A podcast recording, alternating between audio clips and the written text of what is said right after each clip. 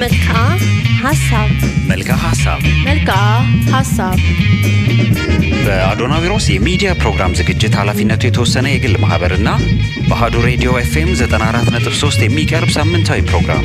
ይህ ፕሮግራም አንኳር ማህበራዊ ርዕሰ ጉዳዮችን በተለያዩ የሀሳብ አቅጣጫዎች ይፈትሻል። ታላላቅ ሀሳቦች ነጥረው እንዲወጡ መድረክ በማመቻቸት በራሱ ሀሳብ ላይ የቆመ ማህበረሰብ እንዲፈጠር ያበረታታል። መልክዓ ሀሳብ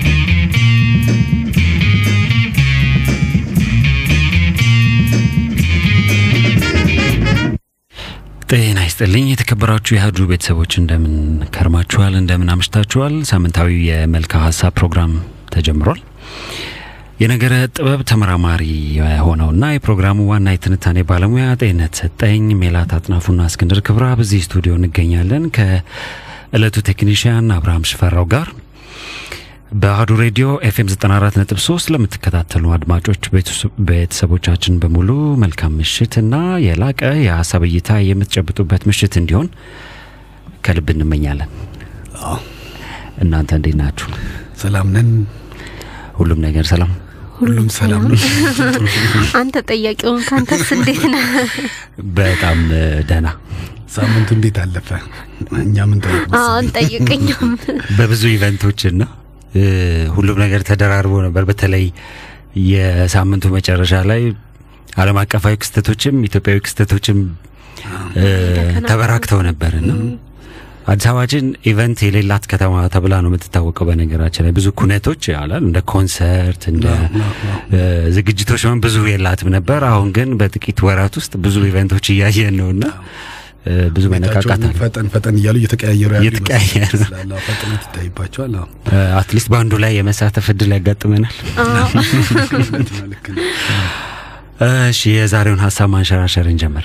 ይሻላል። አዎ፣ የጊዜውንም እንድንጠብቅ ቶሎ ወደ ሀሳባችን እንግባና የ እንግዲህ በተከታተል በተከታታይ ሳምንታት የተነሳንበት ዋናው ርዕሰ ጉዳይ የአንድ ሀገር ስልጣኔ ወይም ታላቅነት በስድስት ታላላቅ አምዶች ላይ ይዋቀራል የሚል መሪ ሀሳብ ይዘን በስድስት እየከፋፈልን መጥተናል። እስካሁን በአምስቱ ላይ ትንታኔ ሰጥተናል። እስካሁን ምናልባት ዛሬ ገና እያዳመጡ ላሉ ቤተሰቦቻችን እንደዚሁ highlight ለመስጠት በስም ላይ፣ በበረከት ላይ፣ በኃይል ባለፈው ሳምንት ደግሞ በስርዓት ላይ እነዚህን የአምዶች የታላቅነት አምዶች ወይም የስልጣኔ አምዶችን ስንነጋገር ነበር።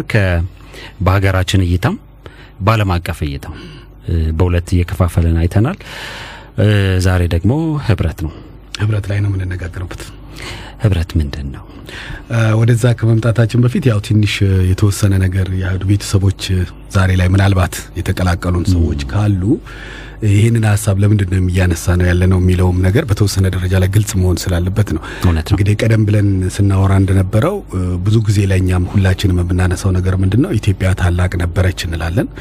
ስለዚህ ታላቅ ነበረች የሚለው ላይ ብዙ ጊዜ ብዙዎቻችን እንስማማለን።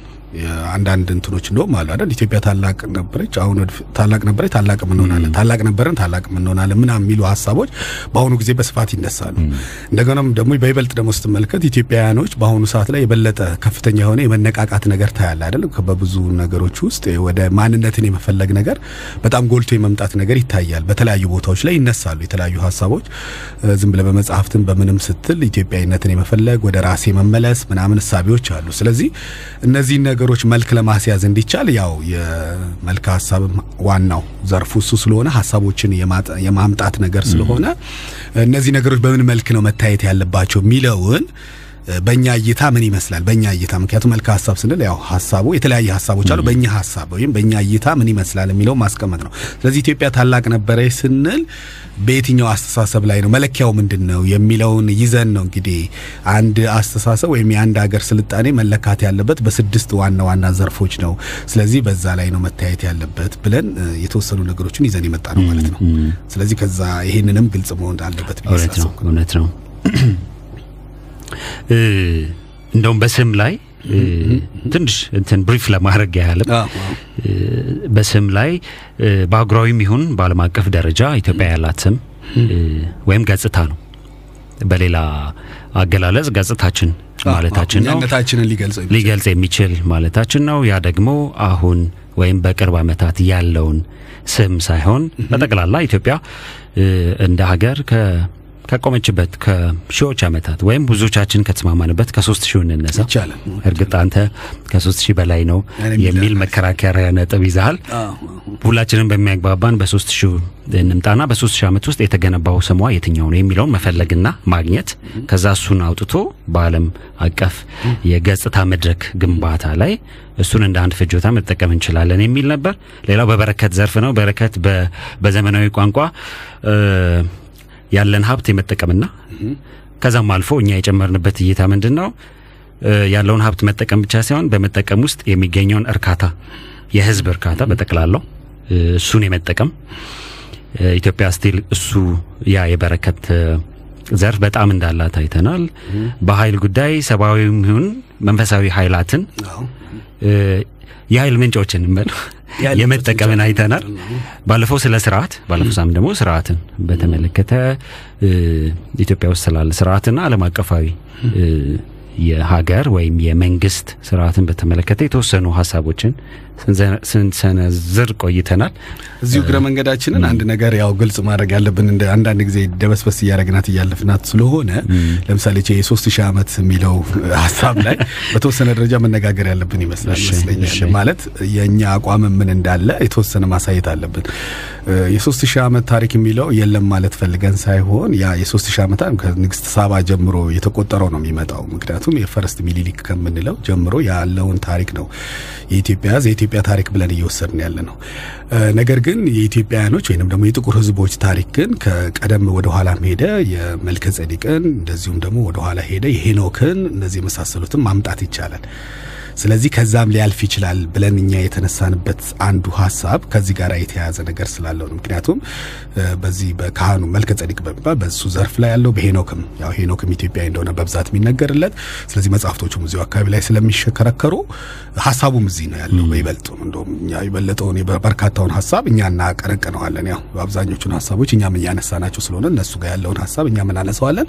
ስለዚህ እነዛም ሀሳቦች ስላሉ ከዛ በፊት ነው እንግዲህ ከዚህ ከ- ከሳባ ወይም ከሰለሞን በፊት የነበሩ ናቸው እነዚህ አሁን የምናነሳለን። መልከ ጼዴቅም ብንል አብርሃም ታይም ነው ወደ በጣም ወደዛ ርቀን እንሄዳለን። ሄኖክም ብንል ሰባተኛ ትውልድ ነው ለአዳም የሆነ ይመስለኛል። እንደዛ አይነት አካባቢ ነው የሚመጣው። ስለዚህ በጣም ሩቅ ነን ማለት ነው ያለ ነው። ስለዚህ ከዛ ይጀምራል የሚል የጠነከረ ነገር ስላለ ነው እንደውም መሰረቶቹ እዛ አካባቢ ናቸው ስላለን ነው ለዛ ሄድ ነው እንጂ ይሄ ከሚኒሊክ first ሚኒሊክ ተብሎ ከመጣው ከአይሁድ ጋራ ከአይሁድ ጋር በተያያዘ የሚመጡ ሀሳቦች ግንኙነት ጋራ የሚመጡ ከእስራኤል ጋር ምናምን የምንለው ግንኙነትን የተመለከተው ነው ሶስት ሺህ ምናምን የሚመጣው።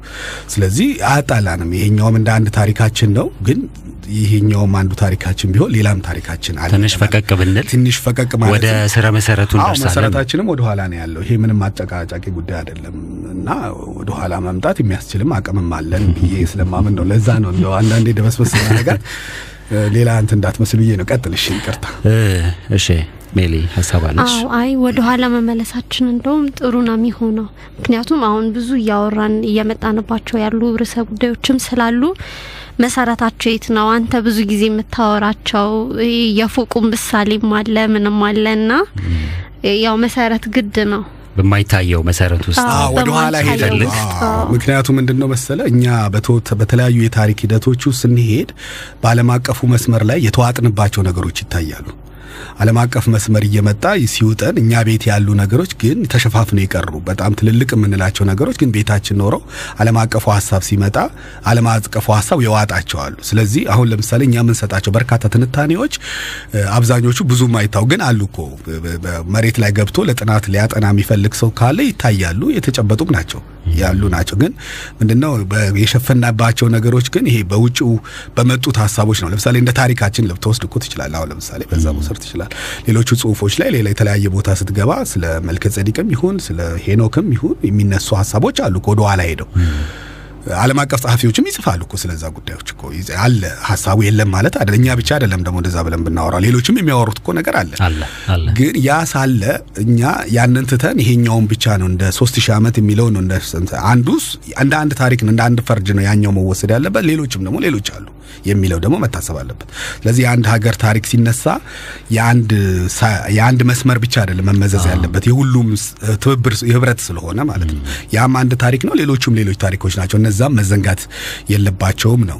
ለምን ከኋላ የመጡ ነገሮች ስላሉ ያን ያም ስለሆነ ይመስለኛል እኮ የእንትን ልዩነትም አለ። ለምሳሌ ኢትዮጵያ ውስጥ ስትመጣ እኮ በብዙ ነገሮች ላይ ኢትዮጵያ ውስጥ የምታገኛቸው ነገር ግን በሌላው ዓለም ላይ የማታገኛቸው ሀሳቦች አሉ። ስለዚህ ከውጭ ከመጡ ሁሉም ነገሮች ተመሳሳይ ነበር መሆን የነበረባቸው። ይሄኛው ከየት መጣ ትላለህ? ይሄኛው ከየት መጣ የምትላቸው እኮ በጣም ብዙ ነገሮች አሉ እኮ በጣም የሃይማኖታዊም ዘርፍ ላይ ብትገባ በሌሎችም በባህል ዘርፎች ላይ ብትገባ በብዙ ዘርፎች ላይ ብትገባ በሀገር ጉዳይ ላይ ብትመጣ በመንፈሳዊ ዘርፍም ብትገባ በሃይማኖታዊ ማለት በአስተምሮቱም ዘርፍ ብትገባ አሉ። እንደውም አሁን ያው ዓለም አቀፉን ለማስመሰል ያው እኛን እኛን እየተውን ዓለሙን እንምሰል እያልን እየተው ነው ሄደን ነው እንጂ አሉ በጣም ጠንካራ ጠንካራ ምንላቸው እንደውም መሰረታቸው እዚህ ነበረ የሚያሰኝ ሁሉ ከዚህ ተወስደው ነው እዛ ሌላ የተደረገባቸው እስከምንል ድረስ የምናነሳቸው ከዋሉ ያው እንዲቹ በተጠባጠበ ነገር በግለሰብ ደረጃ ምናምን ስለምናነሳቸው ነው እንጂ አሉ ማለት ይቻላል እኮ። ስለዚህ ለጥናት ክፍት ነው። እነዛ ለጥናት ክፍት ናቸው። ሌሎቹ ናቸው እያጠኑት ያሉት። የውጭ ዜጎቹ እኮ ያጠኑታል እኮ። እኛ ያው እነሱ ሲነግሩን ድረስ እየጠበቀን ስለሆነ ነው እንጂ ራሳችን ለራሳችን ምስክር መሆን ብንጀምር ወይም ራሳችን በራሳችን ለመስራት ብንሞክር እኮ በሩ ክፍት ነው። ምክንያቱም ሁሉም በእጃችን ስላለ ማለት ነው። እና ደግሞ ማንነትን የመፈለግ ጉዳይ ለራስ ነው የሚተው እንጂ አሁን እኔ ስለ አንተ ማንነት እኔ ልፈልግልህ አልችልም። ምክንያቱም ብፈልግልህም ልነግርህ የምችለው ከውጭ ማይህን ነው እንጂ አንተነትህን የምታውቀው አንተ ነህ ማለት ሰው መቼ ከራሱ በላይ ራሱን የሚያውቅ ያለ አይመስለኝም። በውስጡ ያለውንም ጭምር የሚያውቅ ሀሳቡንም ይሁን ምኑንም ይሁን መሰረቱንም ይሁን የሚያውቀው እሱ ነው። ከውጭ ያለ የሚያውቀው በተወሰነ ደረጃ በወቅቱ ያየውን ብቻ ነው። ስለዚህ የውጭ አጥኚዎችም ሲመጡ ኢትዮጵያን አሁን በሚያዋት ነው ሊያናገሩ የሚችሉት። አንድም እሱ ነው። ሁለተኛም ደግሞ ያው እኛ እንትን እስካላን ድረስ ካልነቃንና እነሱን ብቻ የምንሰማ ከሆነ የፈለጉትን ያክል ሊነግሩን ይችላሉ፣ የፈለጉትን ላይነግሩን ይችላሉ። ግድ እነሱን የምንጠብቅ ከሆነ ማለት ነው። ስለዚህ ጠባቂ ለምረው የሚያስፈል እኛ በሰው ነው የሚነገረን። እኛ ራሳችን እኛም ሰው መሰለናል። እኛም በራሳችን የራሳችን ነገር ማድረግ እንችላለን የሚል ጠንካራ አቋም አለን። እኛም ሀሳባችን ከዛ ጋር የተያያዘ ነው ይመስለኛል። በጣም አሪፍ። ወደ ዛሬው መምጣት እንችላለን። ቀጥታ ወደ ህብረት ህብረት እንምጣ። እንግዲህ ዛሬ ላይ የምናነሳው ርዕሰ ጉዳይ ህብረትን በተመለከተ ነው። እንግዲህ ህብረት ስንል እንግዲህ ብዙ ጊዜ ላይ ይሄ መሰረታዊ የሆኑ ሀሳቦች አሉ። አንድ ሀገር ብቻውን አይደለም ሊቀጥል የሚችለው። ባለፈው ሳምንት ላይ ስናነሳ ይሄ በግለሰብ ደረጃ፣ በቤተሰብ ደረጃ፣ በሀገር በብሔር የምንለው ደረጃ ወይም በባህል ደረጃ እንደዚሁም በሀገር ደረጃ እያለን እንደዚህ ሰባት ደረጃዎች ደርድረን ነበረ እና እነዛ የደረደርናቸው ደረጃዎች በራሳቸው ዝም ብለን ስንመለከት አንደኛው ከአንደኛው ጋር ህብረት ይኖረዋል። ለምሳሌ ብንወስድ አንድ ግለሰብ ብትወስድ እኔ ግለሰብ ብሆን በእኔ በግለሰብ ደረጃ ከቤተሰቦች ጋር ህብረት አለኝ። ገብቷል። በችግሮቻቸው ደርሳለሁ፣ በምናምን ደርሳለሁ። ስለዚህ ህብረቴ ከቤተሰቦቼ ጋራ ይታያል አይደል?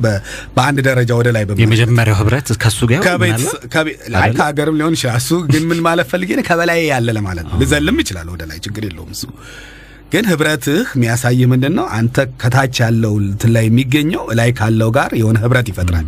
ወደ ላይ አንድ ደረጃ አንድ ደረጃም ሁለትም ሶስትም ሊወጣ ይችላል፣ ሊዘልም ይችላል ሊዘልም ይችላል። ይሄ ህብረት ሊፈጥር ይችላል። ጎንዮሽም ሊሄድ ይችላል። እሱ ግድም አንድ ላይ ወደ ላይ አይደለም። እንደውም ወደ ላይ እየወጣ ሲመጣ የአንድነቱን ነው የሚያሳየው። ወደ ጎን ሲመጣ እንደውም የህብረቱን ነው የሚያሳየው። በኋላ ላይ በይበልጥ የምናነሳ ይሆናል የአንድነቱን የህብረቱን ጉዳይ። ግን ዝም ብለን ስንመለከት ህብረት የምንላቸው እሳቤዎች አንድነት ወይም ህብረትን ዝም ብለን በቀለል ባለ ቋንቋ ወደ ላይ ከቤተሰቦች ጋር ምናምን ከወንድሞች ጋር ምናምን ህብረት ይኖራል። ከቤተሰብህ ከአካባቢ ምናምን ይታያል። እንደዚሁም ደግሞ በሀገር ጉዳይ ቢነሳ ወይም ደግሞ በብሔር ደረጃ ወይም በባህል ደረጃ ቢመሳ ለምሳሌ እኔ የጉራጌ ባህል ቢኖረኝ ወይም በዛ በጉራጌ ባህል ውስጥ ያደግኩ ቢሆን በዛ ክብረ በዓላቶች አሉ አይደለ? ባህሉን ባህሉን በማስጠበቅ ለምሳሌ ይሄ የመስቀልን በዓል ሄደ የእናቶች ቀን የሚባል አለው ምናምን እንደዛ አይነት እንትኖች አሉ። እዛ ውስጥ አሉ። በጣም የሚገርሙ የሚገርሙ ባህላቶች አሉ እዛ ውስጥ አሉ። እና እነሱ ውስጥ ገብተህ ከእነኛን ታከናውናለህ። ምንድነው? ህብረትን ታሳያለህ ማለት ነው። ያ ቤትህ ቆጮ፣ ክትፎ ምናምኑ የበዓሉ ቀን የሚዘጋጀውን ዝግጅት ከተማም ካለ ወደ ገጠር ሄደ ቤተሰቦች ጋር ምናምን የምታደርገው ነገር ይሄ ህብረትን ይሄ ምንድነው የሚያሳይህ? ቤተሰብህን መጠየቅህ አይደለም እየታየ ያለው እዚህ ውስጥ። እዚህ ጋር እየታየ ያለው ከባህሉ ጋራ ያለህን ህብረት ነው እየተናገርክ ያለው። ከባህሉ ጋራ ያለህን ትስስር ነው የምታሳየው። በተመሳሳይ ሁኔታ ከከፍም ብለህ ብትወጣ በሀገር ደረጃም ብትመጣ ኢትዮጵያ በሚባለው ጉዳይ ላይ በኢትዮጵያ ጉዳዮች ላይ ህብረትህን ታሳያለህ። ኢትዮጵያ እንዲሆነች ቢባል ትሄዳለህ፣ ትሳተፋለህ፣ በደስታዋም ትሳተፋለህ፣ በችግሯም ትሳተፋለህ። ስለዚህ ህብረትህን ታሳያለህ። ገባ ይሄ አንዱ ህብረትም ሳይ ሌላ የሃይማኖታዊ ክፍል ወይም አስተምሮቱ ብለን የምንለውም ክፍል ላይ ተመሳሳይ ሁኔታ ነው። ሃይማኖታዊ ስርዓቶቹን ምኖችን ህብረትን ታሳያለ ማለት በዓላቶች ሲቀር የክርስትና ቢሆን በክርስትና በዓላት ላይ ህብረትን ታሳያለ። በሃይማኖታዊ ክፍሎች በእስልምናም ቢሆን በሌሎችም ላይ እነዛው ህብረትን ታሳያለ ማለት ነው። ስለዚህ ይሄንን የምታመላከትበት ሂደትም እንደ አንድ ህብረት ነው የሚወሰደው ማለት ነው። እስከዚህ ድረስ ያሉት በብዛት ይታወቃሉ፣ ብዙ አከራካሪ አይደሉም። ግን ከዚህ አልፈን ሄደን ይሄ መንፈሳዊ የምንለው ዘርፍ ናቸው አሁን ትልቆቹ ጉዳዮች። ከሃይማኖታዊ ወደ ላይ ወተን ከጥበብ ዘርፍ ወደ ላይ ወተን እነዚህን የመሳሰሉት ጠንካራ ዘርፎች ናቸው። በኋላ ላይ ወደ እነሱ እያሰፋን የምንመጣበት ይሆናል ብዬ አስባለሁ። ግን አጠቃላይ ህብረት ማለት ከማን ጋር ነው ግንኙነት ነው? አሁን በኢትዮጵያ ደረጃ ስናስበው በሀገር ደረጃ እንውሰድና ኢትዮጵያ ከማን ጋር ነው ህብረቷ ተብሎ ቢባል ኢትዮጵያ ጎንዮሽ ነው ህብረቷ። ጎንዮሽ ማለት ከአሜሪካን ጋር ወይም ከቻይና ጋር ወይም ደግሞ ከሩሲያ ጋር እንደዚህ በየጊዜው ስለሚቀያየር ብዬ ነው ዝም ብዬ መደዳውን የጠራውልና ወይ ከአውሮፓ ጋር ከቻይና ጋር ወይም ደግሞ ከአሜሪካ እንደዚህ እያልክ ነው የምትለው። ህብረት ህብረትን ከሀገራት ጋር ምንድነው? አንድ ሀገር ይኖራል፣ እሷ ስር ትሆናለ። ሌላ ጊዜ ከሌላው ጋር ህብረት ይኖራል። ብዙ ጊዜ የአፍሪካ እንትኖች ከሀገራት ጋር ነው የሚታየው። ግን ከዚህ ከፍ የሚል ነገር አለ። ሀገራት አይደለም ጎንዮሹ አይደለም የኛ እንትኑ የሚል ሀሳብ ለማንሳት ፈልገን ነው ዛሬ በሱ ላይ የምንወያይ ይመስለኛል ማለት ነው። ህብረት ስንል ምንድነው ስፔሻሊ ዝቅ አድርገን የምናስበው ከሆነ ያንድን ባህል የምንበለው ወይም ደግሞ ያደግንበትንም ስርዓትም ቢሆን ህጉን አምነን ተቀብለን አብረን ተቀላቅለን ስንኖር ነው ህብረት የምንለው። ምናልባት ይህንን አሁን ቀጥሎ ከፍ አድርገን እናወራ ይሆናል። ከፍ ስናረገው ደግሞ ረዳትነትን የሚያሳይ ነው። እውነት ነው። እና መንፈሳዊ ውስጥ ስንገባ ከረዳትነትን እንዴት ከመንፈሳዊ ጋር እንደምናያይዘው አብሬ ያወራዋለሁኝ አሁን ላይ እንዳልቀላቅል በማለት ነው። አሁን ባለው ዓለም አቀፋዊ ሁኔታ በእኛም ይሁን በዓለም አቀፍ ደረጃ እንግዲህ እኔ ሳየው ሀገራት በሀገራት መካከል ህብረት የሚፈጠረው በርዕዮተ ዓለም ወይም በ political ይሆናል። ለምሳሌ የአፍሪካ ህብረት፣ የአውሮፓ ህብረት እነዚህ political ናቸው። በአብዛኛው ህብረትነታቸው ያደረገው በ political ዘርፎች ይሆንና ሲሻገር economical ም ያደረጉታል። እውነት ነው። ኢትዮጵያ በአፍሪካ ህብረት ደረጃ የ political እና በተወሰነ ደረጃ economical ህብረት አላት። በምስራቅ አፍሪካ ግን አሁን ብታየው ሌሎቹ የምስራቅ አፍሪካ ሀገራት political ም economical ም በጣም ጠንካራ ህብረት ይመሰርቱና በዛ ህብረት ውስጥ የሚገኘውን ትሩፋት ነው የሚባለው። ይካፈላሉ። ኢትዮጵያ እስካሁን ባላት ታሪክ ብዙውን ጊዜ ከ economical ይልቅ political ወይም ርዕዮተ ዓለማዊ ህብረት በመፍጠር ላይ ነው ያተኮረው። political ኡን ከኢኮኖሚው ማስቀደሙ ሀገር ላይ የሚያመጣው ፋይዳ አለ ወይስ መሪው political ስለሆነ ከኢኮኖሚ ጋር? እንግዲህ አሁን ምንድን ነው መሰለ በየጊዜው ላይ የተለያየ እሳቤዎች ይሄ political የምንለው ክፍል የስም ክፍል ነው። በነገራችን ላይ ያው በራሱ የሚመጣ ሆኖ እዚህ ስምን መገንባት ነው። በርዕዮተ ዓለሙ አንድ እንደ ጽንሰ ሀሳብ ይወሰድና በዛ ላይ የሚመጣ ሀሳቤ ነው።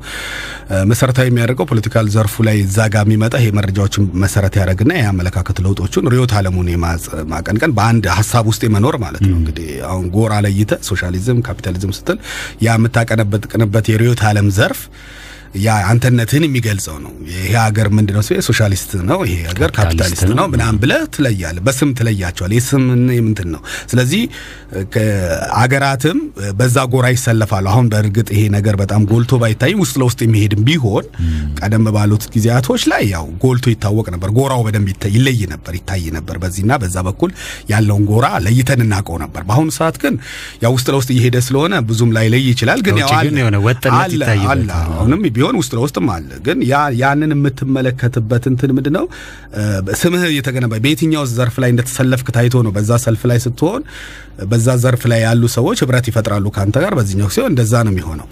ግን አገራት ላይ ግን በይበልጡ ነው የሚመጣው። አሁን ቅድም እንዳነሳውልህ አንዳንድ ጊዜ ላይ በየዘመናቱ በየጊዜያቶቹ አንዳንድ ጊዜ political ዘርፉ የበላይነት የሚይዝበት ጊዜ አለ። አንዳንድ ጊዜ ደግሞ economical ዘርፉ የበላይነት የሚይዝበት አለ። ይሄ በረከት እኛ ብለን ያልነው ዘርፍ ደግሞ የበላይነት የሚይዝበት አለ። ለምሳሌ በኢኮኖሚ በጣም ሊመጣ ይችላል። እንደ ቻይና ምናምን ብትመለከት አሁን በኢኮኖሚ ዘርፍ ነው አይደል? በጣም ገን መምጣት የመቻልና ዓለምን የመያዝ በኢኮኖሚ ሊመጡ ይችላሉ። በ political ዘርፍ ደግሞ ሊመጡ ይችላሉ። እንደ ሩሲያ በፊት ላይ እንደዛ የምታየው ነው። በቃ በወታደራዊ ኃይል የሚመጡበት አለ። በኃይል ባልነው ዘርፍ ማለት ነው። በዛም ሊመጡ ይችላሉ። ከዛም አልፈው ደግሞ በህብረቱም ሊመጡ ይችላሉ። ከኋላ በኩል ከሚገኘው ከመንፈሳዊም ዘርፍ እንበለው ከሌላ ከጥበብ ዘርፍ ምን በለው ከኋላ በኩል ሄደውም በሱም ሊመጡ ይችላል። ስለዚህ በስድስቱ ነው በአንዱ ሊመጡ ይችላሉ። አየህ አንዳንዴ አንደኛው ይቀድማል፣ አንደኛው ይቀድም እንትን ያደርጋል። ስለዚህ በብዛት እኛ ሀገር ላይ እስካሁን ድረስ ያለው ዘርፍ የ political ዘርፉ ነው የ- የቀዳሚነቱን ለመያዝ የሚሞክረው። ሀገር ውስጥም እኮ እንደዛ ነው፣ ተመሳሳይ ነው። የ political ዘርፉን የበላይነቱን የሚይዘው በብዙ ቦታዎች ላይም ስትሄድ እሱ ነው ቅድሚያ የሚሰጠው። ለምሳሌ economical እንትኑ ወይ እንትኖቹ እነዛ ከኋላ ያሉት ሳይሆን የበለጠ የ political ዘርፉ ቅድሚያ ይሰጠዋል። ምክንያቱም ትኩረት የሚሰጠውም እሱ ነው። የአመለካከትህ ነው የሚታየው አይደለ?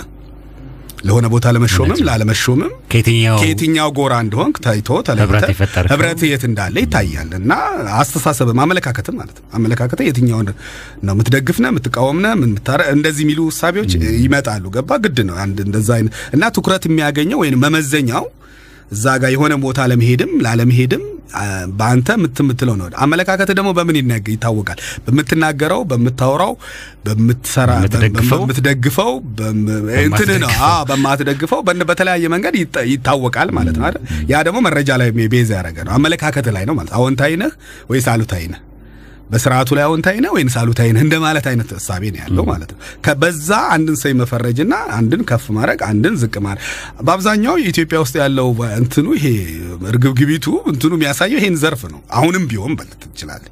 ምክንያቱም በሆነ ዘርፍ ምኑ ጋር ነው ያለው የሚለው ነው ማንም ሰው የሚያይ። ለምሳሌ በአንድ ታክሲ ውስጥ የምትሄድ ከሆነ የሰሞኑ እርግብግቢት ወጣ ብትል ከዛ ሁሉም ሰው አንተ ላይ በዛ ነው የሚያይ ማለት በተነገርከው ነው የሚያየው።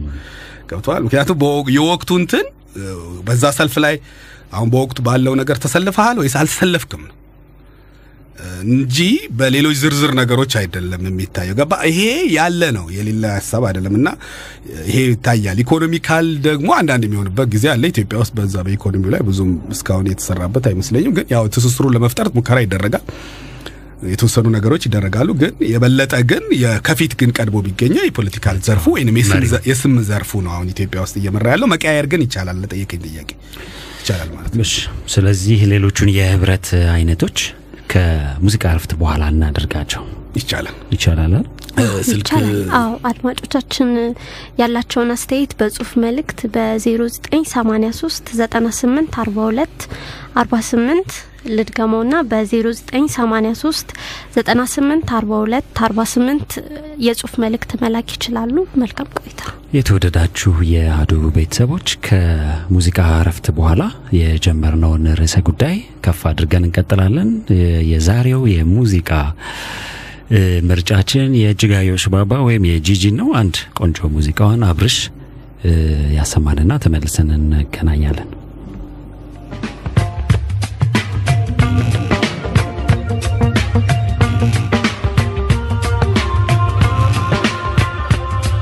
በቃላት በሙዚቃ ቃና ስታብራራ ነፍሴ ስታጣራ አየውኝ ጥበብ ሰማውኝ እውቀት የናገር ለማስከር የዚህን ሰው ሻማ መብራት በሌለው ከተማ እየቀለጠ አበራልኝ እየሞተ አኖረኝ ኢየሱስ ባለዳው ነኝ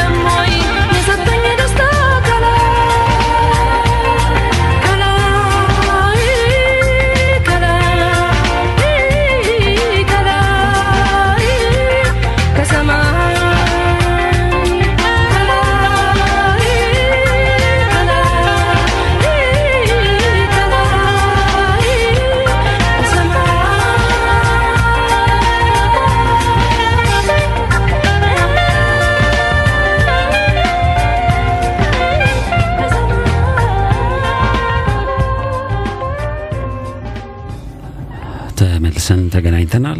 ውድ ቤተሰቦቻችን የምትገኙት የኢትዮጵያን ድምጽ በሆነው በአህዱ ሬዲዮ ኤፍኤም 94.3 ላይ ነው። ፕሮግራሙ ደግሞ መልካ ሀሳብ ነው። ከሙዚቃ እረፍት በፊት ስለ ህብረት የጀመርናቸውን ውይይቶች እንቀጥላለን። በሀገራት ደረጃ መንግስታት ያላቸውን ህብረት በብሔራዊ አርማዎቻቸው ላይ ወይንም national emblems ላይ ስሎ የማስቀመጥ ባህል አለ ከድሮም ጀምሮ። ድሮ በነገስታትም ጊዜ ባንዲራዎቻቸው ላይ ያንን አርማ ወይም ምልክት ያስቀምጣሉ። እስካሁንም ድረስ እንደዛ ቀጥሏል። ለመሆኑ ለምሳሌ አንዳንድ አገራትን እነዚህ ምልክቶች እያየው ነበረ እና አብዛኛው ከእንስሳት ጋር የተያያዘ ነገር አለው። አብዛኛው በሁለተኛ ደረጃ ከእጽዋት ጋር እንስሳት ስል ለምሳሌ በአንበሳ እና ንስር ሁለቱ በጣም በብዛት በብዙ ሀገራት ላይ እንደ አርማ ወይም እንደ ምልክትነት ተቀምጦ ይታያል። ዝም ብሎ እንዳልተቀመጡም ይገባኛል። ሌላው በእጽዋት ነው። ለምሳሌ በዛፍ ወይም በቀንበጥ ወይም በቅርንጫፍ የማስቀመጥ ነገር አለ። ሌላው ግን ቅርጾች ናቸው። ምልክቶችን ወይ በኮከብ ወይም በሌላ በተመሳሳይ ስዕሎች ስዕል የሚለው እንኳን ቃል ያንሰዋል። ምስሎች የማስቀመጥ ነገር አለ። እነዚህ የብሔራዊ አርማዎች የሀገራቱን ወይም የሕዝቡን እ፣ ህብረት በተለይ ከመንፈሳዊው ጋር ያለውን ህብረት ያሳያል ወይ? አዎ ይሄ ብቻ አይደለም። እንደው አሁን ለአጋጣሚ ያው እዚህ በባንዲራዎች ላይ የሚገኘውን ለማንሳት ሞከርን እንጂ ዝም ብለህ አሁን ባደጉት ሀገሮች ላይም ስትመጣ በዚህ በምሳሌ ሐውልቶችን የመሳሰሉት ለምሳሌ እኛ ሀገር ላይ አሁን በተለያየ ትልልቅ ስራ በሰሩ ሰዎች ስያሜ ነው አይደል ሐውልቶቻችንን ምናምን ሰይመው አካባቢያችንን ምናምን ሰይመው በሌሎቹ ሀገራት ግን ትልልቅ በምትላቸው እንግሊዝንም እና አሜሪካንም ሌላም ፈረንሳይም ሌሎቹም ሀገሮች አውሮፓ ሀገራትንም ምናምን ብትወስድ በአብዛኛው ስትመለከት የተለያዩ ሐውልቶችን ይሰራሉ እና ስያሜዎቻቸው ራሱ የሚመጣው ከኋላ በኩል ያላቸውን ህብረት የሚገልጽ ነገር ያስቀምጣሉ። እንግዲህ አሁን እኛ እንዳልኩ እስከዚህ እስከ ሃይማኖታዊ ወይም ደግሞ አስተምሮታዊ ዘርፍ ብቻ ስላለን ይሄ መንፈሳዊና የጥበብ ዘርፉ ብዙም አይደለንም። ስለዛ ያለን እውቀት ትንሽ ነው። ያው ለማለት የፈለግኩት ኢትዮጵያ የላትም ማለት ፈልገን ሳይሆን በሀገር ደረጃ እንደ ሀገር ካሰብነው ኢትዮጵያ በመንፈሳዊውና በጥበብ ዘርፍ ላይ ሌሎች ሀገራት አላቸው ከሚባለው በላይ ያላት ሀገር ነች። ምንም ይሄ ጥያቄ ያለው ነገር አይደለም። ነገር ግን ያ ኢትዮጵያ ያላትን ነገር እኛ አላሰብነውምም፣ አልተጠቀምንበትምም፣ እ፣ አላጠናነውም። ያው እንዳልኩ መስመራችን ያለው ከሃይማኖታዊ ዘርፍ ከአስተምሮቱ ብዙም አላለ። እሱም ቢሆን ወይ በአውሮፓዊው ወይ ምናምን መሰረት በብዛት የጣለ ነገር ይታይበታል። እዛም አካባቢ ቢሆን ብዙም ርቀው የሚሄድም አይደለም እሱም ሀሳብ። ስለዚህ ስትመለከተው ይሄ ዓለማዊ ከሆነው ወይም ደግሞ እዚህ ፊት ለፊት ላይ ከምንመለከተው በዘለለ ይሄ ከበስተጀርባ ያለው ወይም በትልቅ መስመር ላይ የሚገኘው በከፍታ ላይ የሚገኘው ጋር ያለን ህብረት ብዙም አይደለም። ስለዚህ ግን ወደ ሌሎቹ ግን ሀገራት ግን ስትመጣ ግን እንደዛ አይደለም የሚያመላክተው። ለምሳሌ ወሮቻቸውን ራሱ ሄደ ብትመጣ የወር አቆጣጠር ስያሜዎቻቸው ከነዚህ ከአማልክት ዘርፍ ጋር የተያያዘ ነገር ይታያል። እኛም ይዘን መተን ለምሳሌ ኦሎምፒያ ትላለ። ኦሎምፒያ አሁን አለ አይደል? ደንበል አካባቢ ኦሎምፒያ አካባቢ ቦሌ ኦሎምፒያ ምናምን ትላለ። ኦሎምፒያ እኮ የአማልክት ስም ነው አይደል? ይመስለኛል። እና ከዛ ጋር የተወሰደ እንትን ያለ ነው። እዛ በእነሱ ጋር ብትሄድ ደግሞ ብዙ አለ። ሐውልቶቻቸው ምኖቹ በጣም ብዙ ታገኛለ። አለ ታሪኮቻቸው ምናምን ከዛ ጋር ያላቸው ህብረት ያሳዩበታል፣ ይጠቀሙበታል። ምክንያቱም ይሄ በግሪክ እንትኖች ውስጥ የአማልክት ዘርፎች ውስጥ ውስጥ አፈ ታሪኮች ውስጥ በምናምን ውስጥ ያሉ ተረኮች ከበስተጀርባ በኩል የሚታይ የመንፈሳዊ ዘርፍ በኩል ላይ የሚታየውን ይገለገላሉ። ይሄም አንዱ ዘርፍ ነው መታየት ያለበት ብዬ ነው እሷንም እንደ አንድ ሀሳብ ያነሳል። ሁለተኛ ያነሳልኝ በዚህ በባንዲራዎች ላይ የምንመለከተው ምልክት ነው። አሁን ብዙ ሀገራት ላይ ስትመጣ ባንዲሮቻቸው ላይ ምልክቶች አሉና እኛ ሀገር ላይ ያው ዝም ብለን ስለተጠቀምንበት እና ያው ኮከቡን ነው ያው የብሔር ብሔረሰቦችን የሚያሳይ አምስት ኮከብ አድርገን ያው ብሔር ብሔረሰቦችን የሚያሳይ ምልክት ምናምን ብለን ነው እኛ የወሰድነው። ያው ትስስሩ እዚሁ ጋር ነው የሚያሳየው ማለት ነው። ያው የብሔር ብሔረሰቦችን ውህደት ብቻ ነው የተናገር ነው ማለት ነው። ለሌሎቹ ሀገራት ግን ከበስተጀርባ በኩል ለምሳሌ አሜሪካ ንስር ትገለገላለች፣ ግብጽ ስትወስድ ንስር ትገለገላለች። አሁን እነዚህ ንስሩ ምንድን ነው ብለህ ብትጠይቅ አይ ከንስሩ ጋር ያለን ህብረት ዝም ብለህ ከአሞራ ጋር ህብረት አለን ተነስተህ ከንስሩ ጀርባ አዎ ምንድን በ- በዚህ በንጉስ በ- በ13 በ- ከዚህ ከንጉሳዊ ሞሐንበሳ ሄዳ በምንለው እሳቤዎች ውስጥም የአንበሳው ምስል ኢትዮጵያ ውስጥ እንደነበረ ያሳያል። ዛሬም አለ። ተጠቅመንበታል። አይ ዛሬም አለ እኮ ገንዘባችን ላይ እሱ ነው ያለው እኮ አሁንም ዛሬም እኮ ብራችን ላይ የተገለገልበት ነው እኮ አይደል? ሳንቲሙንም ብትገለብጠው ጀርባው ላይ አንበሳው አለ። ቤተ መንግስቶቻችንም ላይ ያው አንበሳው ምስል ነው ያለው አይደል? አሁንም አለ በተወሰኑ ቦታዎች ላይ ያው አገልግሎቱ በተወሰነ ቢወጣም ማለት ነው። ለምሳሌ ኢትዮጵያ airlines በፊት ነበረው መሰለኝ አይደል? ይጠቀመዋል። አዎ ይጠቀም አይጠቀምበታል አሁን ባንዲራ ሳይዙን ብቻ ነው የቀነሰው እንጂ ስለዚህ ቴሌ ላይ ነበር ይመስለኛል አይደል? በፊት ላይ ነበረ እንደዛ አይነት ነገር ከበሮ የሚመታ ወይም ነጋሪት የሚጎስም አንበሳ አይነት ነገር እንደዛ ብቻ ነገር ነበረ እና እነዛ ምልክቶች እንደነበሩ ያሳያልና ከኢትዮጵያ ከአንበሳው ዘርፍ ጋር ግብጽ ብትሄድ እንደ ንስር ምናምን ታገኛለን። የተለያየ ሀገራት የየራሳቸውን ምስል ያሳያሉ። አሁን እንግዲህ ምስሎቹን በኋላ እንመጣበታለን። እነዚህ ኮከቦቹ ምናምን የተመሰለውን ነገር ጂኦሜትሪ እንትኑን እሱ ምንድን ነው እሱ የሚለውን እሱ ማውራት እንችላለን። ግን አሁን ወደ ምስሎቹ እንምጣ። ዝም ብለን ስንመጣ እነዚህ ምስሎች በብዛት የሚያሳዩት ምንድን ነው? በዚህ በሃይማኖታዊ አስተምሮቶች ውስጥ በሱ ባወራ ይሻላል። ምክንያቱም ለአህዱ ቤተሰቦችም የበለጠ ግልጽ እንዲሆንላቸው ማለት ነው። በሃይማኖት በአስተምሮቶች ውስጥ ይሄ በገጸ ነፍስ ዘርፍ ላይ የሚታሰብ አራት ፊት ያለው አራት አራት ቅርጽ ያላቸው አንበሳ፣ ንስር፣ ላምና ሰው የሚያመለክት ነገር አለ። በአራት አቅጣጫ ነው የሚያሳየው። ለምሳሌ አሁን የግብፅ እንትኖች ላይ ጥንታዊ የግብፅ ስልጣኔዎች ላይ ገብተ ስትመለከት ከግማሽ በታች የሰው ምስል ታገኝና ከግማሽ በላይ? አንገት በላይ ንስር ሊሆንብህ ይችላል። አንዳንዶቹ ላይ ስትሄድ መሬት ላይ የተኛው አንበሳ ነው፣ ግን ጭንቅላቱ ግን ሰው ነው ሆኖ ታገኘዋል። እና እነዚህ ነገሮች ምንድን ነው የሚያመላክቱት? ከኋላ በኩል ያለውን ህብረት ነው እየተናገሩ ያሉት። ማን ከማን ጋር ህብረት እንዳለው፣ አንበሳው ከሰው ጋር፣ አንበሳው ከንስሩ ጋር እንደማለት ነው። ይህ ሲባል እኛ እንደምና እንደምናወራው ይሄ የሚበረው አሞራ ማለታችን አይደለም። ይሄ የሰው ልጅ ገጸ ነፍስ ዘርፍ ላይ አራት ዘርፎች ይታዩታል እና ምስራቃዊ የሚባለው ሰው አለ። ሰው አራት ፊት እንዳለ ይታወቃል። አንበሳው አለ። አንበሳው አራት ፊት ያልቃል።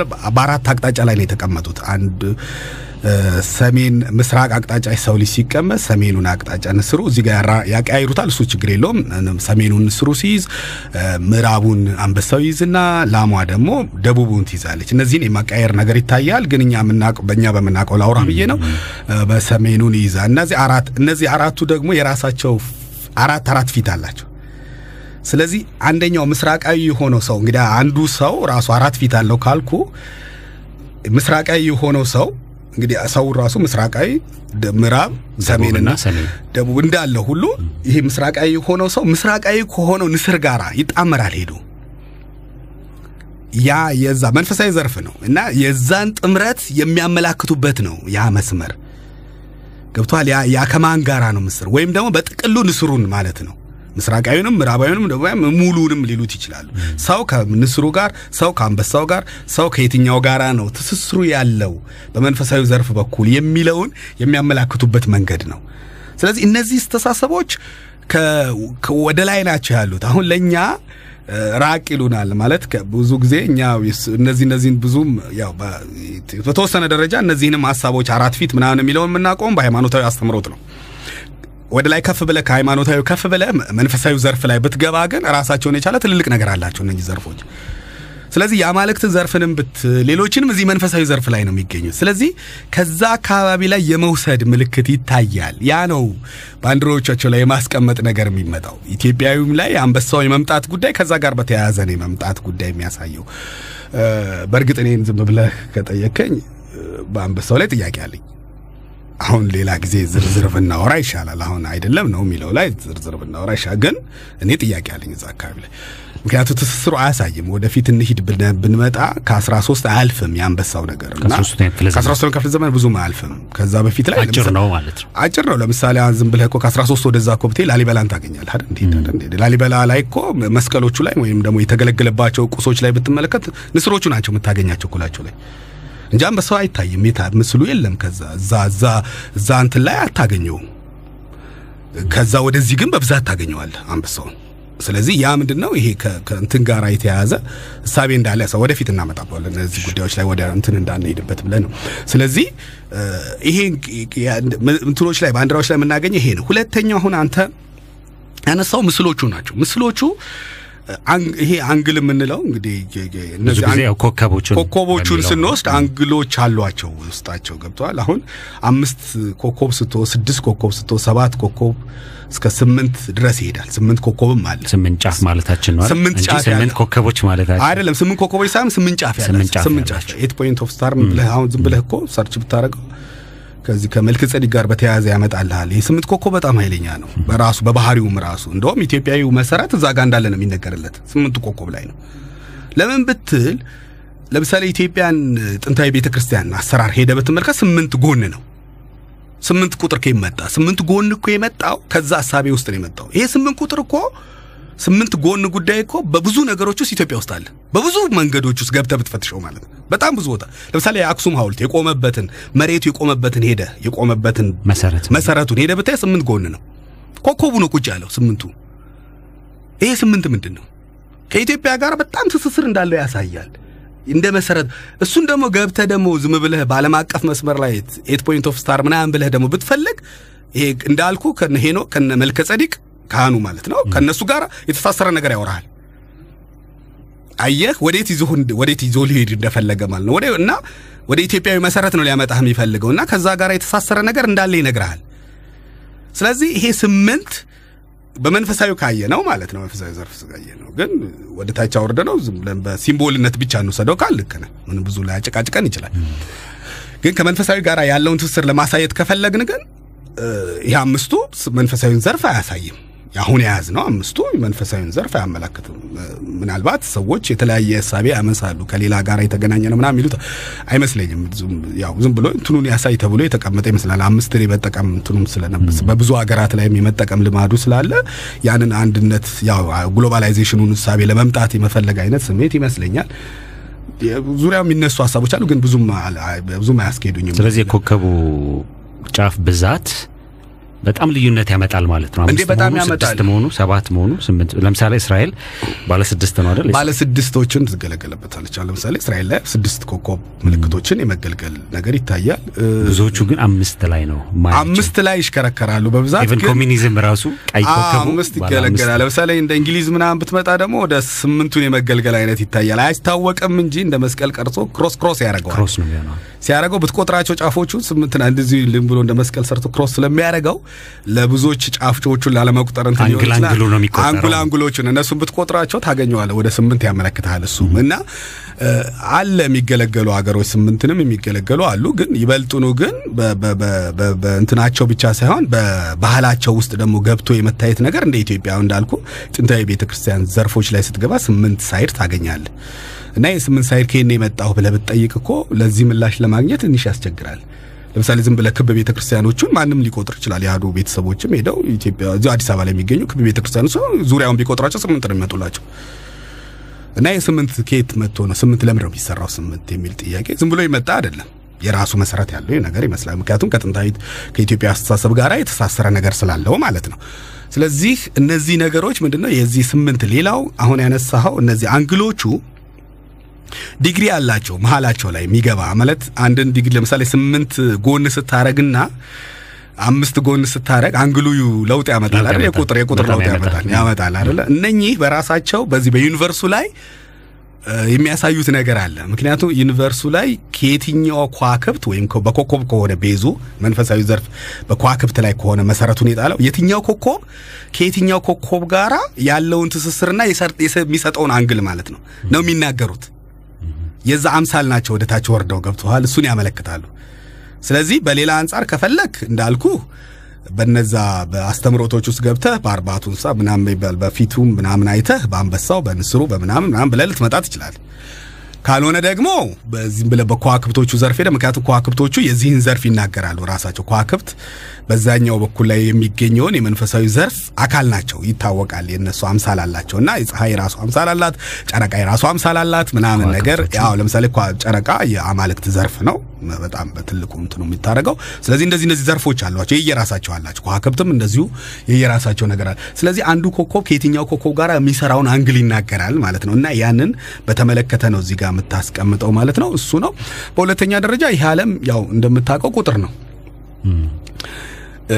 ቁጥሮች ናቸው መሰረታቸው በመሰረቱን የጣለው በቁጥር ላይ ነው። ስለዚህ ቁጥር ላይ ስለጣለ እነዚህ ቁጥሮች ብዙ አይደሉም፣ ያው ትንሽ ናቸው። አንድ ሌሎች የሜታፊዚክሶች ማለት የዓለም አቀፍ የሆኑ ሜታፊዚክሶች የራሳቸው የሚሉት ነገር አለ። ግን እኛ በራሳችን በምናውቀው ላይ እናንሳና እናውራ ካልን ለምሳሌ በአንድ በሶስት በአራት በሰባትና በአስራ ሁለት ላይ በይዛቸው እና በማይቆጠር ቁጥር ላይ መሰረታቸውን ይጥላሉ የእኛ ጋር ባሉት ሳቢዎች ላይ ማለት ነው። እና እነዚህ ቁጥሮች ናቸው ሌሎቹን ቁጥሮች የሚያመጧቸው ማለት ነው።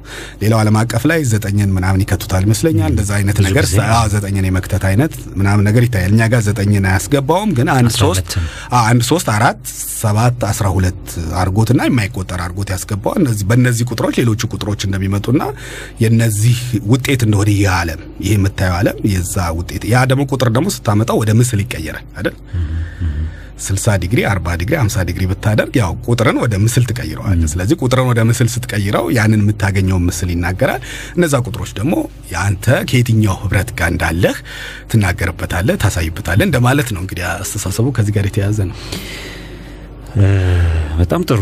አንድ ጥያቄ አለኝ። በህብረትና በአንድነት መካከል ያለው ልዩነት ምንድን ነው? አንድ እንትን ልንገርህ። የአፍሪካ ህብረት የአፍሪካ ህብረት ከመባሉ በፊት በጣም ለረጅም ዓመታት ማለት ነው እነ አጼ ኃይለ ሥላሴ እነ ኳሜ ንክሩማ ሲመሰረቱት የአፍሪካ አንድነት ብለው ነው የጀመሩት እና በመሀል ላይ በመሀል አይደለም በጣም በጥቂት አስራ ካልተሳሳትኩ አስራ ምናምን ዓመት ወዲህ የአፍሪካ ህብረት ሆነ። ምንድን ነው ልዩነቱ? በነገራችን ላይ አሁን በዚህኛው እሳቤ ውስጥ ይመስለኛል ሁለቱ በእኛ በዚህ ሁለቱም በቃል ደረጃ ላይ ያው ልዩነት አላቸው። እኛ የምንፈታበትና በእነሱም የፈቱበት የራሳቸው ነገር ሊኖራቸው ይችላል። ምናልባት እነሱ በእኛ መንገድ ነው የፈቱት፣ እኛም በራሳችን አሁን በህብረትና በአንድነት መካከል ያለውን በእኛ አፈታት ልንፈታው ይችላለሁ። የእነሱ ደግሞ የፈቱበት ሊኖር ይችላል። ምናልባት አንድነትን ብለው ያሉት መጀመሪያ በአንድነት መቀላቀሉና ህብረቱ ደግሞ እንግዲህ የተወሰኑ ነገሮችን ይዘው ወደ ወደ በኛው ሀሳብ ውስጥ መተውበት ከሆነ ጥሩ ሀሳብ ሊሆን ይችላል። ግን ህብረትና አንድነት ማለት ምን ማለት መሰለ? በእነዚህ በስድስቱ ዘርፎች ላይ ስትገባ ከነዚህ ከስድስቱ ዘርፎች በአራቱ ብቻ ከአንድ ወገን ጋር ግንኙነት ከፈጠርክ ህብረት ነው የሚባለው። በስድስቱም ከፈጠርክ ግን አንድነት ነው የሚባለው። እሳቤው እሱ ነው። ስለዚህ ለምሳሌ እኔ ከሌሎች ሀገራት ላይ በስም በኩል ላይ በፖለቲካል ዘርፍ ላይ በርዕዮተ ዓለም ጉዳዮች ላይ ልመሳሰል ይችላለሁ። አንድ ዘርፍ ነው። በኢኮኖሚ ልመሳሰል ይችላለሁ። እቃ እሸጥለታለሁ፣ እቃ ያመጣለሁ፣ የእሱን በላለሁ፣ የእሱ ይበላል ምናምን እንስማማ እንችላለን። ችግር የለብንም። በኃይል ጉዳዮች ላይም ችግር የለም፣ ልንተባበር ይችላል። እሱ እኔ ሲደክመኝ ሊያግዘኝ ይችላል። እኔ ስደክመው ሄጄ ልረዳው ይችላለሁ።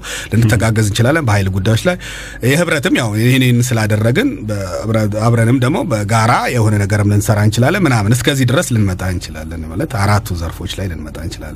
ከዛ ወደዛ ያሉትና አምስተኛው ስድስተኛው በኋላም ሲመጣ ሰባተኛው እነዚህን ዘርፎች ግን ከጠበቅኩብህ ግን እነዚህ ዘርፎች በራሳቸው ኃይለኞች ናቸው ማለት ነው። ማለት በዚህ በእነዚህ በሶስቱ ዘርፎች ላይ ከያዝኩብህ ለምሳሌ የጥበብ ዘርፉን የመንፈሳዊውን ዘርፉን ከከለከልኩብህ ምስጢራዊ ናቸው ማለት ነው። እነዚህን ካልሰጠው አንድነት የለንም ማለት ነው። በህብረት ደረጃ አብረን እንሰራለን። አብረን እንሰራለን፣ ግን አንድነት ግን አይለንም። አንድነት አለን ማለት በእነዚህም አንድ ነን እንደማለት፣ በመንፈሳዊም ዘርፍ አንድ ነን እንደማለት ነው። ገብተዋል ሀሳቡ።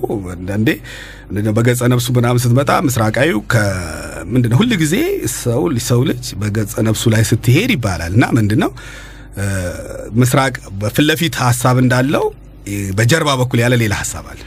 ስለዚህ ፊት ለፊት ያለው ሀሳብ ግረብ ከኋላ በኩል ባለው ሀሳብ ጋር የመቃረን ነገር ይታያሉ አይደል? ተቃራኒ ሳይድ ስለሚይዙ ልክ እንደዛው የዚህ የፊት ለፊት ገጽ ያለው ሰውና በጀርባ ያለ ለዛኛው ሰው የጀርባው የሆነበት ሰው ጋር ስለዚህ ሁል ጊዜ በፈለግከውን ብትመጣ ዘላለም ሰው ሁሉ ወዳጅ ሊሆን አይችልም ማለት ነው። ገብቷል። ሁል ጊዜ ሰዎች ሁሉ ሀሳቤን ይደግፋሉ ካል በጣም ስህተት ነው። ማለት ይሄ ራሱ ጤናማ አካሄድ አይደለም፣ ራሱም አይደለም። ምክንያቱም ተፈጥሯዊም አይደለም። ሊቃወሙ የሚችሉ ሰዎች አሉ ማለት ነው። እንደገና ደግሞ አይተው ዝም ብለው አብረው ሊሄዱ ግን የሆነ ሰዓት ትተው ሊሄዱ ጎንዮሽ ደግሞ የሚሆኑ ደግሞ አሉ። ጎንና ጎን ስላለው አይደል መስ- መስቀል እንትን ቅርጽ እንሰ- ምስራቅ ምዕራብ ምናምን ስለ ጎን ለጎን ያሉት ደግሞ ጎን ጥምረት ናቸው። ይጣመሩሃል። ክፉ ቀን ከመጣ ግን ይለዩሃል። ችግር የለ ድሮም ይጣመራሉ፣ አንድ ላይ ይሆናሉ፣ ግን ደግሞ ሊለዩ ይችላል። ያኛው ግን ሰሜንና ምስራቅ አዎ እንደዛ እንደማለት ነው። ሰሜኑና ምስራቁ ሲሆን ደግሞ እንደዛ እንደዛ አይነት ጥምረት ያላቸው ሰዎች አሉ። ምንድነው በደህና ጊዜ ወዳጆች ይሆናሉ። በኋላ የተወሰነ ርቀት ከሄዱ በኋላ ጥግና ጥግ ሊጣሉ ይችላሉ። ሲጀመር ጀምሮ ማይስማሙ ሰዎች ደግሞ ታገኛለህ። አይደል? ሲጀመር ጀምሮ በቃ?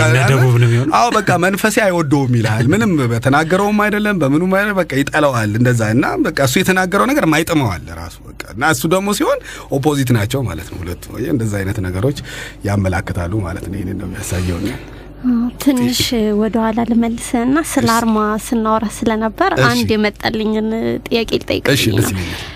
ስለዚህ አርማን እንደ መንገድ ጠራጊ አድርገን ልንወስደው እንችላለን ማለት ነው። ከመንፈሳዊ ጋር ስናያይዘው አሁን ለምሳሌ ከንስሩ ጋር ብናያይዘው ንስርን የሚጠቀማሉ፣ አንበሳን፣ ከዋክብትን የሚጠቀማሉ።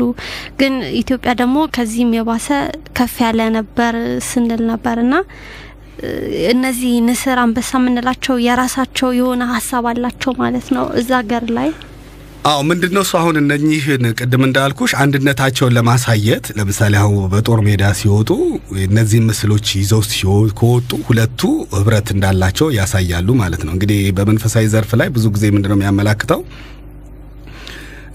ከሌላው አካል ጋራ በምናየው ዓለም ላይ በሚገኘው አካል ጋራ የሚደረገው ግጭትም ይሁን ጦርነት በጀርባ በኩል በማናየው ዓለም ውስጥ በሚገኘው ውስጥ እርዳታ ይኖረዋል አይደል? እንግዲህ አሁን እኛ ዝም ብለን በጥቅሉ የእግዚአብሔር ለምሳሌ ኢትዮጵያን እግዚአብሔር እንደሚጠብቃ ምናምን አድርገን እናወራዋለን። ልክ እነዚህ እንደምንለው ይሄ በጥቅሉ ነው እያመሳን፣ በዝርዝር ግን ገብተን ብንመለከተው ከኋላ ችን ሀገር የሚጠብቅ መንፈሳዊ ዘርፍ አለ ብለን እንላለን። በእርግጥም አለ። ስለዚህ ያ አካ- ያ አካል ገባሽ በህብረትሽ ከሱ ጋር ከሆነ አንድነትሽ ከሱ ጋር ከተያያዘ ከሆነ ወደፊት የመሄድ እሱ የማገዝ የመርዳት አይነት ነገር ይታያል። ይሄ እኮ እንግዲህ ለብዙዎች አከራካሪ ቢሆንም ሀሳቡ በጣሊያንና የአድዋን፣ ጦርነት መውሰድ ይቻላል። መንፈሳዊ ዘርፍ ምን ያህል ትልቅ ሮል ትልቅ ሚና እንደተጫወተ ይታወቃል። ስለዚህ እንደነዚህ አይነት ነገሮች ስለማይነሳ ነው እሱ አሁን በኢትዮጵያ ታሪክ ውስጥ ያው እኛ የዛን ዘርፍ ለምን ሌሎቹ ሀገራት ይገለገሉ ለምን እኛ ለማንሳት እንዳልፈለግን አይገባኝም። ያው እንተወዋለን ብዙ ጊዜ ላይ ያንን ማንሳት አንፈልግም። ያው እንዳናነሳው ፈልገን ይሁን ወይም ሌሎች እንዳናነሳው ፈልገው ይሁን ብቻ አይገባንም። ያው የማይገቡ ነገሮች እዛ ውስጥ አሉ። ግን ለእኛ ትልቁ እንትናችን እሱ ነው፣ መሰረታችንም እሱ ነው። አለንም ከምንለው ሀብታችን እሱ ነው። ትልቁ ከኋላ በኩል ያለው ነው ሀብታችን እና ስለዚህ ይህንን ያለማንሳታችን በራሱ አንድ ችግር ነው ተብሎ የሚባለው ግን አንቺ እንዳልሽው ይዘው ሲወጡ እነዛ ምልክቶቹ ለሚያየው ያው ህብረትሽን የሚያሳይ ነው። መቼ የአንቺን ባንዲራ ይዞ ከወጣ ሰው አንቺም አትነኪውም አይደል? አሁን ሀገር ላይ ሲመጣ እንግዲህ ጦርነት ላይ ባንዲራ ተከላላል። የኢትዮጵያ ባንዲራ ከተውለበለበ ያው ያኛውም የኢትዮጵያ ባንዲራ ውለብልቦ ከመጣ አንቺም አትነኪውም። ምክንያቱም አንድነትሽን እየተናገርሽ ነው ማለት። በተመሳሳይ ሁኔታ ምልክቱንም ስታስቀምጪ ለዛኛው አካል ማለት ነው፣ በወዲያ በኩል ለሚገኘው አካል አንድነትሽን እየነገርሽው ነው ማለት ነው። እንደዛ አይነት ሀሳቢዎችን ነው የሚያዘው የሚመጣው ማለት ነው። አሁን ግን ኢትዮጵያ ውስጥ ያለው ብዙም እንደዛ አይነት ሀሳቦች ያሉ አይመስለኝም። ይሄ ቀደም ባሉት ሀሳቢዎች ውስጥ የነበሩትን ማንሳት የፈለግኩት ማለት ነው። ወደ መደምደሚያ ጉዳዮቻችን እንምጣ። ሰዓታችንም እያለቀ ስለሆነ ኢትዮጵያ በመንፈሳዊ በኩል ባለው ህብረቷ ማለት በሌላ አገላለጽ metaphysical አስተሳሰቦችን የሚያካተት ነው ብለህ ነበረ።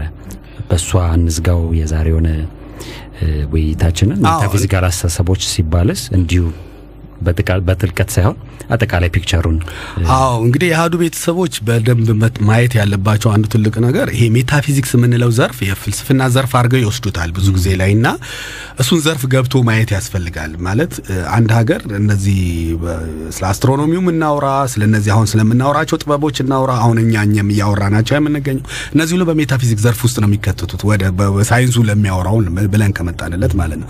በዛ ውስጥ ሜታፊዚክስ ዘርፎች ናቸው። ስለዚህ እነዚህ ሜታፊዚክስ ዘርፎች ደግሞ በብዛት የሚወሩት የግሪክ የአውሮፓውያኖቹ ምናምን እንደገና የሩቅ ምስራቅ የቻይናን የህንዶች ምናምን እንደዚህ አለ ሜታፊዚክሶች የየሀገራቶቹ በጣም ትልልቅ አለ። ስለዚህ የአህዱ ቤተሰቦች እስኪ ይሄ ሜታፊዚክስ የሚለው እሳቤ ላይ ገብተን ኢትዮጵያ ውስጥ ሜታፊዚክስ አለ ወይ መጀመሪያ ሲጀመር? መጀመሪያ እሱ መምጣት አለበት እና እኛ አዎ አለ ነው እያልን ያለ ነው አለ። አዎ ስረ መሰረቱን እዚህ ያደረገ ማለት አለ በቃ ሙሉን ሙሉውን ራሱን እዚህ የያዘ ማለት ከሌላ ተውሶ ሳይሆን ከሌላ ቦታ ወስዶ ሳይሆን ራሱን የቻለ አለ ኢትዮጵያ ውስጥ። ይሄንን ነው እኛ እያነሳን ያለ ነው። ስለዚህ በዚህ ዘርፍ በኩል ማየት ይቻላል። አዲስ ነገር አይደለም እያወራን ያለ ነው ያለ ነው። ዓለም ላይ ሜታፊዚክስ ዘርፍ አለ። እኛ ገብተን ስላላየ ነው ነው እንጂ ሌሎች ዓለማት ሚድ- እንትን የሚሉት አለ በደንብ ይሰሩበታልም። በትልቅ በዩኒቨርሲቲ ደረጃም በጣም ብዙ ይሰሩበታል። ይታወቃል። የታወቀ ነገር ነው። ብዙ አዲስ ነገር አይደለም። ስለዚህ እያልከን ያለው የራሳችንን metaphysical አስተሳሰቦች ትተን ምናልባት በዓለም አቀፍ ደረጃ ጉልቤ በሆነው አስተሳሰብ ቢሆን እንደዛ ማለት ይቻላል። እንደ ትልቅ ዛፍ ተውጠን ስር ነው ራሳችንን አስገብተን ሊሆን ይችላል። ስለዚህ በመልካ ሀሳብ ፕሮግራምም ስር ወደፊት በእነዚህ አስተሳሰቦች ዙሪያ ዝርዝር ትንታኔዎች እንሰጣለን። እየሰጠን እና ሀሳቦቹ ላይ መተንተን ብቻ ሳይሆን በእለት ተዕለት ህይወታችን ላይ ያላቸውን ፋይዳ እና impact እያገናኘን ወይም እያስተሳሰርን እንመጣባቸዋለን። የተወደዳችሁ የአህዱ ቤተሰቦች ወደ ፕሮግራማችን ፍጻሜ መተናል። እስካሁን አብራችሁን ስለቆያችሁ እጅግ በጣም እናመሰግናለን። ፕሮግራሞቻችንን በሙሉ በዩቲዩብ ላይ ማግኘት ትችላላችሁ። እስካሁን የወጡትን የዛሬውን ደግሞ ሰሞኑን upload ይደረጋል። ምናልባትም ጥያቄዎቻችሁን ወይም ሌሎች ሀሳቦቻችሁን ከዝግጅት ክፍሉ ጋር ለመለዋወጥ ሁለት አማራጮች አሉላችሁ። አንደኛው በኢሜይል አድራሻችን መልካ ሀሳብ at Gmail dot com መልካ ሀሳብ at Gmail dot com ሁለተኛው በፌስቡክ አድራሻችን መልካ ሀሳብ show በሚለው ከዚህ በፊት ገልጸ ነው የነበረው መልካ ሀሳብን ብቻ ነበር። አሁን ግን በአዲሱ የፌስቡክ አድራሻችን በመልካ ሀሳብ ሾው ላይ ጥያቄዎቻችሁንም ወይም ሀሳቦቻቸውን ከኛ ጋር መለዋወጥ ይችላሉ። እስካሁን ለነበረን ቆይታ እጅግ በጣም እናመሰግናለን። እ፣ ከመልካ ሀሳብ ፕሮግራም አዘጋጆች ጤንነት ሰጠኝ፣ ሜላት አጥናፉ ተሰናበቻ። እሺ በሚቀጥለው ሳምንት እስክንገናኝ ድረስ መልካም ቆይታ። መልክዓ ሀሳብ መልካ ሀሳብ መልክዓ ሀሳብ በአዶናዊሮስ የሚዲያ ፕሮግራም ዝግጅት ኃላፊነቱ የተወሰነ የግል ማህበርና በአሀዱ ሬዲዮ ኤፍኤም 94.3 የሚቀርብ ሳምንታዊ ፕሮግራም። ይህ ፕሮግራም አንኳር ማህበራዊ ርዕሰ ጉዳዮችን በተለያዩ የሀሳብ አቅጣጫዎች ይፈትሻል። ታላላቅ ሀሳቦች ነጥረው እንዲወጡ መድረክ በማመቻቸት በራሱ ሀሳብ ላይ የቆመ ማህበረሰብ እንዲፈጠር ያበረታታል። መልካ ሀሳብ